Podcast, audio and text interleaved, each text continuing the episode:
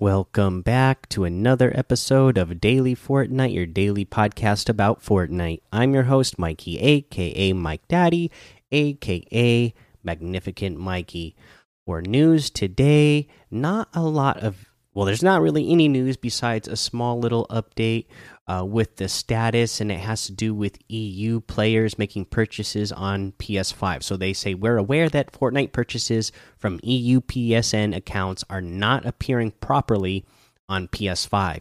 We are working to get this resolved and will provide an update when we have more info.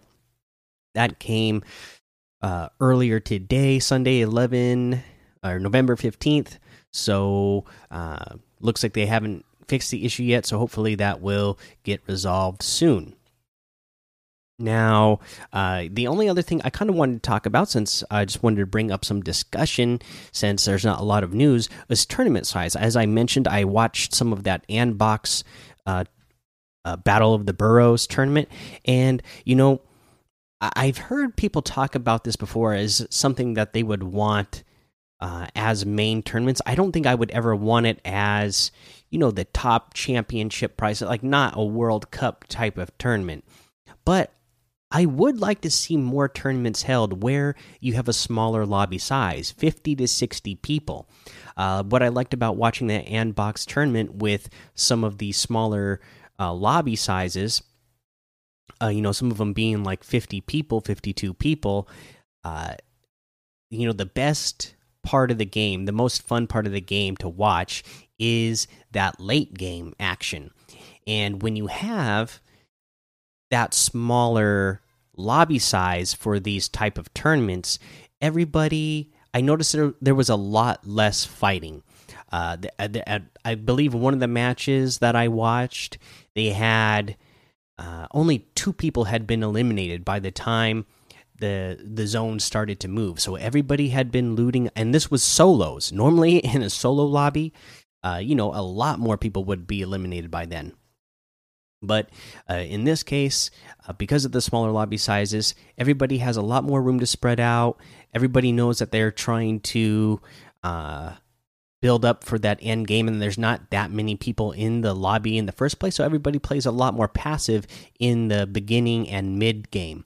Uh, so it made uh, just a little bit for more i wouldn't say more exciting but just knowing that everybody that was in that lobby pretty much made it to the end and then that's when it's really going to pop off and then you see uh, you know who is going to take it best advantage of everything that they were able to do uh, and you know build up their materials and get their uh, uh, movement items and who's going to use those utilities the best. Uh, you know and it's not just uh, you know you don't get as many people complaining that oh well i died off spawn and somebody griefed me and blah blah blah. So uh, it would be cool to see some more tournaments that are you know smaller lobby sizes just uh, you know and you could have them you know you could see that this Andbox if they're a third party tournament so they don't have the same kind of money that epic has themselves. But you know even with these smaller lobby tournaments you could just make it smaller uh, prizes and do them more often. I think it would be a fun thing to have. Let me know what you think you know send it to me in my email. Mm, that's good stuff. Uh, gaming at gmail.com uh, write me a message on Discord, Twitter, wherever. I'd love to hear your guys' feedback. Uh, let's see here. Uh, for challenges, let's go ahead and look at the challenges again. Oh, you know, I I wanted to mention the one again where you need to catch fish with the explosive weapons.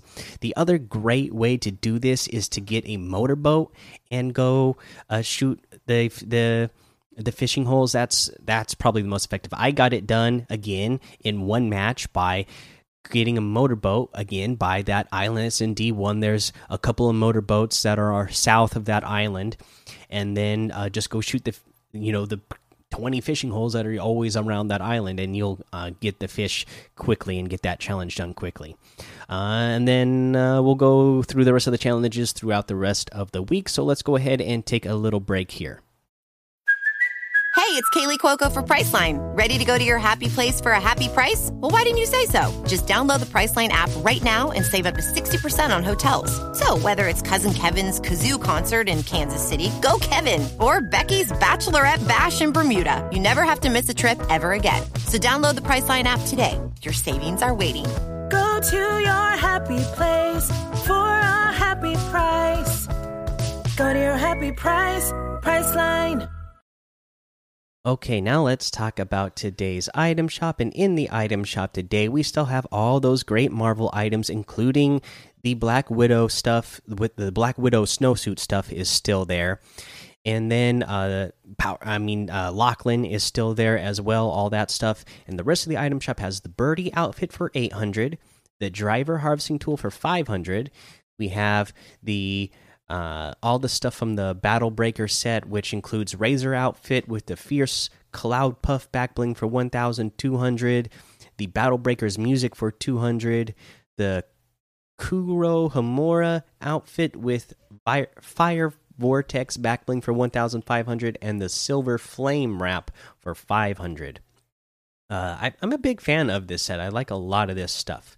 Uh, let's see here. You also have the Axo outfit with the neon backboard back bling for 1200, the Axolotl harvesting tool for 500, the Brine outfit with the coral cowl back bling for 1200, and the Lapis Trident harvesting tool for 500.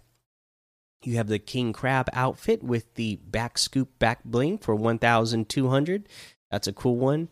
We have the Flippin' emote for 500, the Sunsprout back bling for 200, the Twist emote for 500, the Slingshot outfit for 800, and a new emote called Tiniest Violin.